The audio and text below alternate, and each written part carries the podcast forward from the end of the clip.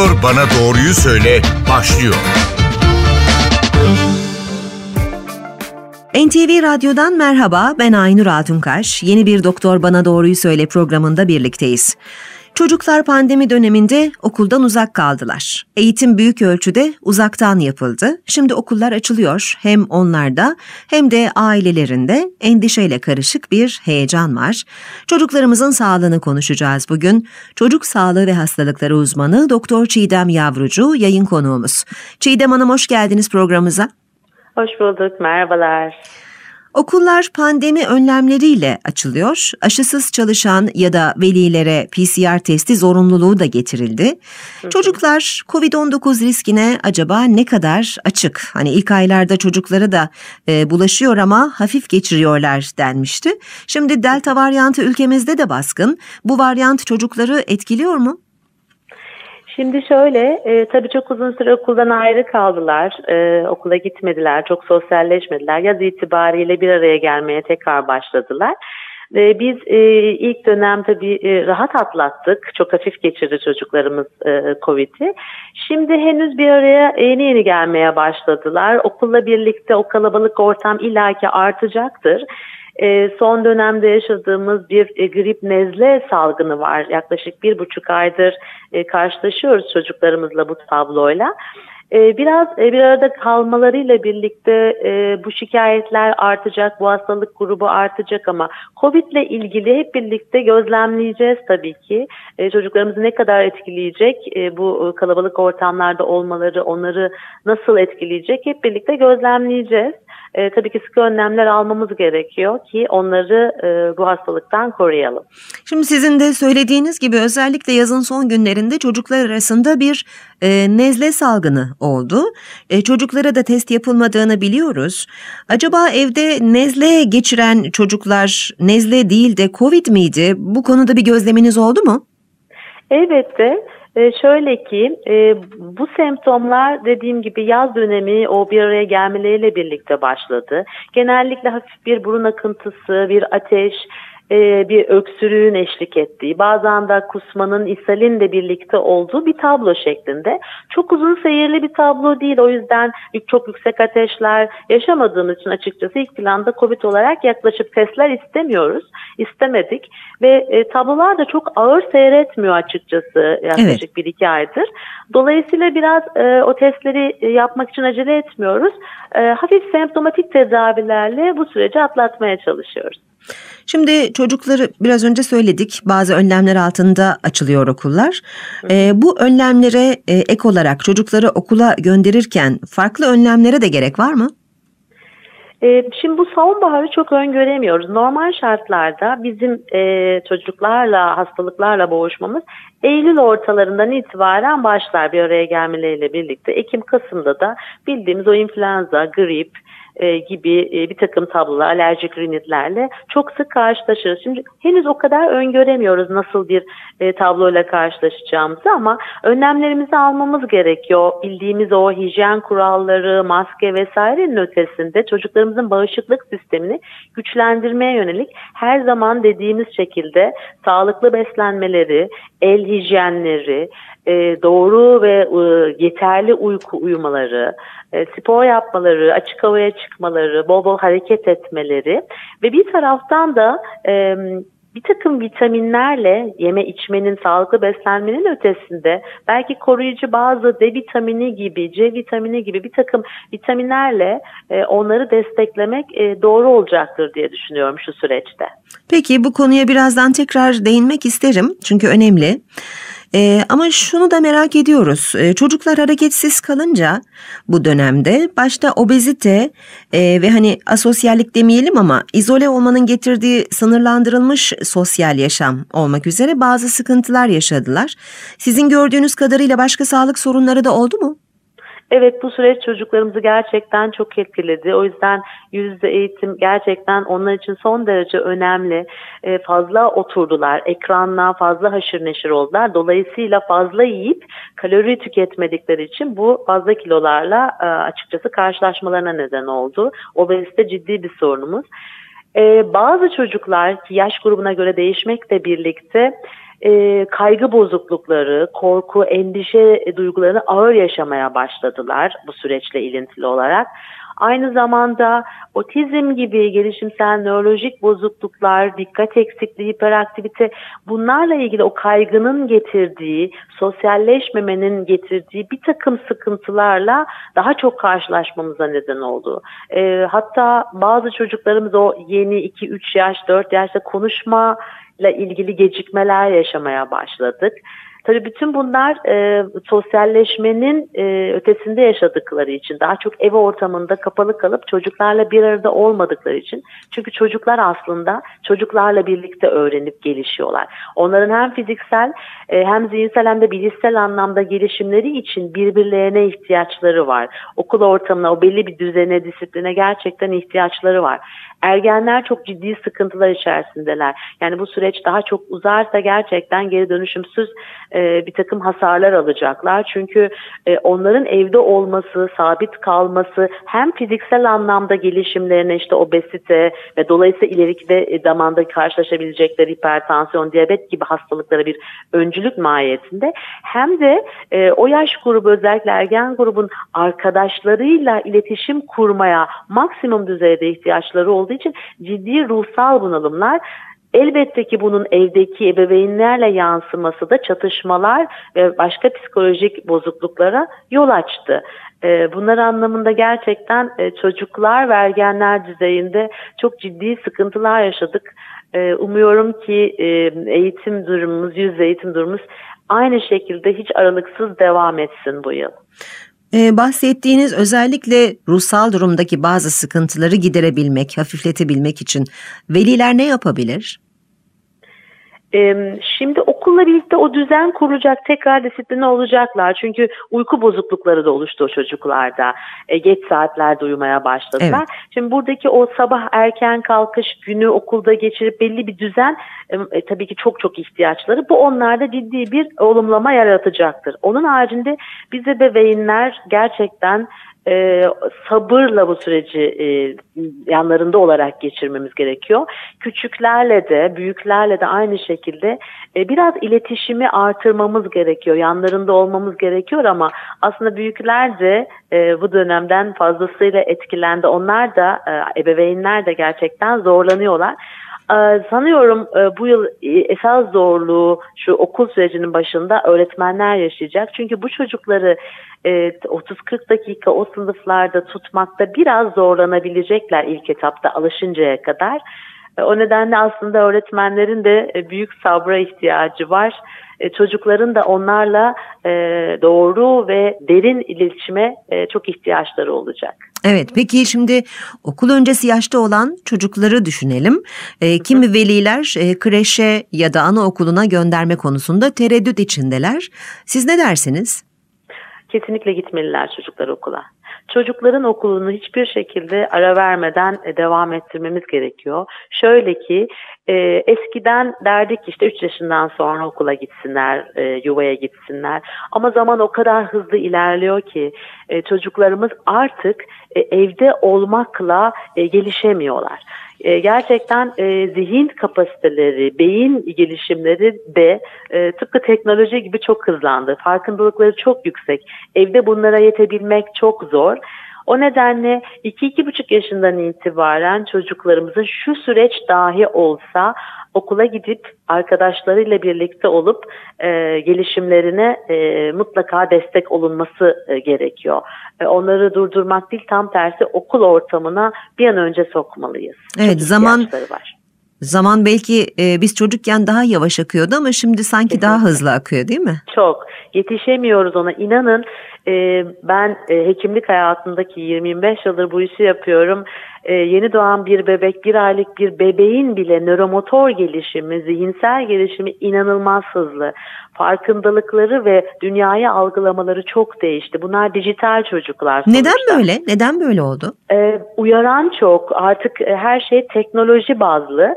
Ee, bunların muhtemelen yakın gelecekteki çok uzak değil, gerçekten çok yakın bir dönemde en yakın arkadaşları robotlar olacak ki başladı o süreç. Dolayısıyla e, teknolojiyle çok haşır neşirler. Zihin yapıları, beyin iletişim ağları e, inanılmaz derecede arttı. Dolayısıyla e, bu çocukları çok beslememiz lazım. Evde tuttuğumuz her nokta ya da sosyalliklerini aldığımız, diğer çocuklarla iletişimlerini durdurduğumuz, eğitimden uzak tuttuğumuz her an onlar için çok ciddi geri dönüşümsüz birer e, sorun haline gelebilir. E, yeni dünyayı bu dijital anlamında e, gerçekten doğru kavramamız gerekiyor. E, onların geleceğini e, doğru zemine oturtabilmemiz adına. Peki yeri gelmişken şunu da sorayım. Akıllı telefonlar, tabletler, bilgisayarlar gibi elektronik cihazlarla çocukların çok erken yaşlarda tanışmaları e, doğru mu? E, böyle bir çağda e, onların e, bu ekranlar karşısında geçirecekleri süre sınırlandırılmalı mı? Ne dersiniz? Şöyle yeni doğan bir bebek ve ilk iki yıl mümkün olduğunca teknolojiden uzak tutmamız gerekiyor ki gerçek dünyayı doğal akışında, doğal seyrinde direkt açık ortamlara, doğaya giderek kitaplarla, müzikle, ağaçla, toprakla, hayvanlarla önce tanımlamak gerekiyor ki beyin yapıları gerçeği fark etsin. Ama kaçınılmaz olan bir şey ki bu çocuklarımız dijital. Teknoloji birebir ellerinin altında olacak çünkü artık eğitim sistemi dahi e, bu şekilde. Bu kaçınılmaz. Burada çok e, korkmaya, kaygılanmaya gerek yok ama ilk 2-3 yılı öncelikle doğru yönetmemiz gerekiyor. Ondan sonra da elbette kontrollü e, belli sınırlamalarla ve gözetim altında e, kontrol etmemiz hem ebeveynler açısından hem de okuldaki e, eğitim sistemimizde öğretmenler ve tabii ki o müfredatımız açısından mümkün olduğunca e, dikkatli olmak ama tabii ki yasaklar değil ama sınırlamalarla o dijital dünyanın içinde olmalarına izin vermemiz gerekiyor. Çünkü gelişim teknoloji artık e, elimizde. Yani biz yapay zekayı her dakika, her saniye zaten telefonları, akıllı telefonları kullanarak e, bizzat yaşıyoruz. Dolayısıyla biz bunları yaşarken çocuklara dur demek e, inanın çok zor. E, iletişim ağları birbirleriyle oturup iletişirken bile e, o telefonlar ellerinde e, hale geldi. Doğru yönetmemiz gerek. Kontrolü elden bırakmamak gerekiyor. Ama evet. kaçınılmaz bir gerçeğimiz artık. Kabul etmeliyiz. Şimdi bağışıklık önemli dedik. E, bu konuda biraz daha e, ayrıntılı bilgi almak isteriz sizden. E, bize bazı reçeteler verebilir misiniz? E, bağışıklığı kuvvetlendirebilmek için hangi gıdalar muhakkak tüketilmeli? Hangilerinden uzak durulmalı? İşte öğünler nasıl planlanmalı? Okul dışındaki e, zamanda çocukların beslenmesinde nelere dikkat etmeliyiz? Şimdi e, mutlaka sağlıklı beslenmek diyoruz. Sağlıklı beslenmekten kastımız bütün besinleri eşit ve dengeli bir şekilde proteini de, karbonhidratı, tahıllar, meyveler, sebzeler mutlaka bunlar e, gün içerisinde dengeli bir şekilde yayılması gerekiyor. İyi bir kahvaltıyla güne başlamak, öğlen e, okulda yemek yiyorsa ama yemiyorsa evden bir sandviç hazırlamak, onlara besleyici değeri yüksek olan içinde proteiniydi, e, sebzesi belki de e, olan bir e, gıda şeklinde ve tabii bol meyve sebze, bol meyve C vitaminden zengin, çinko içeren e, fındık, fıstık gibi bir takım kuru yemişleri hayatlarından eksik etmeyerek, sağlıklı beslenmek, mümkün olduğunca kötü karbonhidrattan, işlenmiş gıdalardan uzak tutmak çünkü bunlar bağışıklık sistemimizi zayıflatan besinler. Ee, okul sonrasında çocuklarımızın bol bol açık havada olup spor yapmasını e, desteklememiz gerekiyor. Çünkü spor da e, immün sistemi güçlendirmek adına gerçekten inanılmaz derecede e, birinci rol oynayan faktörlerden bir tanesi. Spor yapan, özellikle açık hava sporlarını daha etkin kullanan çocukların e, hastalıklarla karşılaşma oranı çok belirgin derecede azalmış durumda. Hatta e, çok rahat geçiriyorlar o e, zor sezonları dahi. Uyku Keza aynı şekilde çok önemli. İyi bir uykuyla hem bağışıklığı güçlendiriyoruz hem de büyüme hormonunu salgılatarak çocuklarımızın e, sabah uyandıklarında daha zinde, daha uyanık bir e, beyinle kalkmalarını ve güne daha huzurlu ve mutlu başlamalarını sağlıyoruz. O nedenle bu okulun getireceği iyi taraflardan bir tanesi tekrar o eski sistemlerine dönüp belli saatlerde yatıp belli saatlerde kalkacaklar. Bu çok çok önemli. Hijyen tabii ki vazgeçilmezimiz ki özellikle bu süreçte çok çok daha üstünde durduk. E, her zamankinden biraz daha fazla olarak. El yıkama alışkanlığı ki o hani bir 10-15 saniye sabun ve suyla çocuğumuzun temasını e, mutlaka sağlamamız gerekiyor. Yemekten sonra dışarı çıktık geldik ondan sonra günlük banyoları mutlaka bunlar olması gereken. Bunların ötesinde yine doktor kontrolünde e, eksik olduğunu düşündüğümüz veya hani biraz daha destekleyip de onları güçlü kılmak adına e, multivitaminler, omega 3 6, e, C vitamini, D vitamini gibi ek supplementleri, destekleri de e, vermek zaman zaman ihtiyaç olabilir. Bunları Şimdi, mutlaka e, desteklememiz gerekiyor. Birçok velinin dertli olduğu bir konu peynir. Çocuklar neden peynire biraz mesafelidir? Hepsi demeyelim ama e, yani azımsanmayacak e, sayıda çocuk peynire biraz mesafeli. Neden? Ee, aslında peynire mesafeden öte e, yedikleri değişik peynirler var. Belki orada biraz çeşitlendirmek gerekiyor. Her çocuğun damak tadı çok farklı. Sebzede de e, benzer problemi yaşıyoruz zaman zaman çocuklarda. E, beslenme alışkanlığıyla ilgili biraz e, evdeki kahvaltı kültürüyle de ilintili bir şey ama e, belli dönemlerde çocuklar yedikleri gıdaları yememeye başlıyorlar. Buralarda çok ısrarcı olmamak gerekiyor hı hı. aslında. E, peyniri ilk bir iki yaşta çok güzel yiyorlar ama 3-4 yaş civarlarına geldiğinde uzaklaşıyorlar. Fakat ileriki yaşlarda tekrar dönüyorlar. Orada belki daha yumuşak peynirler e, tercih etmek e, gerekli olabilir. Sebzede de aynı şekilde ilk birkaç yıl e, iyi beslenen sebzeleri de rahatlıkla alan çocuklar e, bir dönem durabiliyorlar, e, kesebiliyorlar.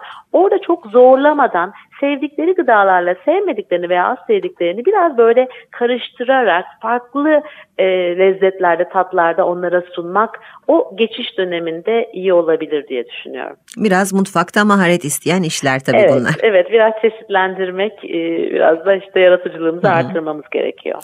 Peki dinleyenlerimize hatırlatalım. Çocuk sağlığı ve hastalıkları uzmanı Doktor Çiğdem Yavrucu ile birlikteyiz bugün. Çiğdem Hanım, Covid-19 pandemisi iklim krizinin de e, derinden hissedildiği bir yıla denk geldi. UNICEF bir bildiri yayımlayıp iklim krizi bir çocuk hakları krizidir dedi. Kuşkusuz çocuklarımız daha hayatlarının e, başında iki büyük kriz gördüler. Sizce nasıl büyüyecekler? Sağlıklı büyümeleri için ne yapmalıyız? Ee, çok büyük hikayeleri olarak büyüdüler bu dönem doğanlar gerçekten. E, enteresan bir hikaye bırakacaklar geçmişlerine.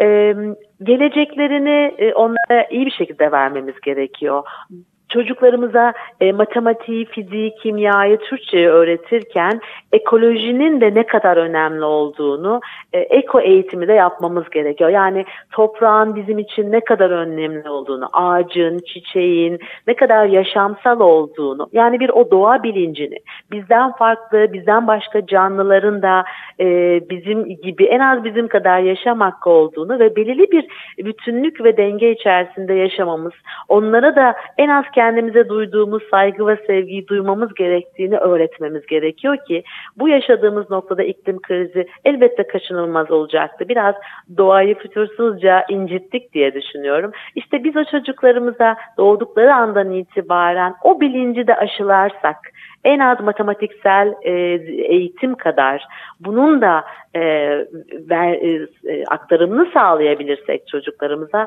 gerçekten e, onları da bu bilinç yapısıyla geliştirdiğimiz için e, bir şeyler yapması için yaşayacakları dünyayı güzelleştirmek adına onların da emek harcaması gerektiğini öğretiriz diye düşünüyorum. Çünkü birbirimizden farklı değiliz ve doğayı korumamız kendimizi korumamız anlamına geliyor. Biz hep birlikte bir bütün içinde yaşamak zorundayız. Aksi takdirde e, geleceği onlara çok iyi bırakmayacağız gibi görünüyor. E, bunun için bir an önce e, o bilinci çocuklarımıza en o ilk andan itibaren vermek gerekiyor. Yoksa yiyecek ekmeğimiz kalmayabilir, e, ekecek toprağımız kalmayabilir gerçekten. Çok acı ama e, bence bunu başarabiliriz. Eğer o bilinç yapısını çocuklarımıza aktarabilirsek, hep birlikte ele verirsek e, iyi bir dünyaya geçiş yapabiliriz diye düşünüyorum. Çünkü başka bir dünya yok. Hani e, var olan elimizdekine kıymet vermemiz gerekiyor. Evet, eğitim... Ne doğa bizsiz olur ne biz doğasız olur. Diğer canlılar olmadan yaşamak e, hayal olur. O yüzden e, hepimiz birbirimiz için, tüm canlılar birbirine ihtiyaç halinde bu bilinci lütfen çocuklarımıza verelim. Evet bu anlattıklarınız e, eğitim deyince sadece fizik, matematik, yabancı dil e, olmadığını bize gayet e, güzel bir şekilde gösterdi. E, doğayla bir arada yaşamalıyız, e, doğayı anlayarak yaşamalıyız, onun bir parçasıyız, eşit haklara sahibiz doğada evet. yaşayan tüm canlılarla e, ve bu bilinç okul öncesi çağlarda da e, başlamalı muhakkak. Çok teşekkür ederiz Sayın e, Yavrucu yayınımıza katıldığınız için. Ben teşekkür ederim. Çok çok mersi. NTV Radyo'da Doktor Bana Doğruyu Söyle programının bugün de sonuna geldik. Konuğumuz çocuk sağlığı ve hastalıkları uzmanı Doktor Çiğdem Yavrucu'ydu. Yeniden buluşmak üzere, hoşçakalın. Doktor Bana Doğruyu Söyle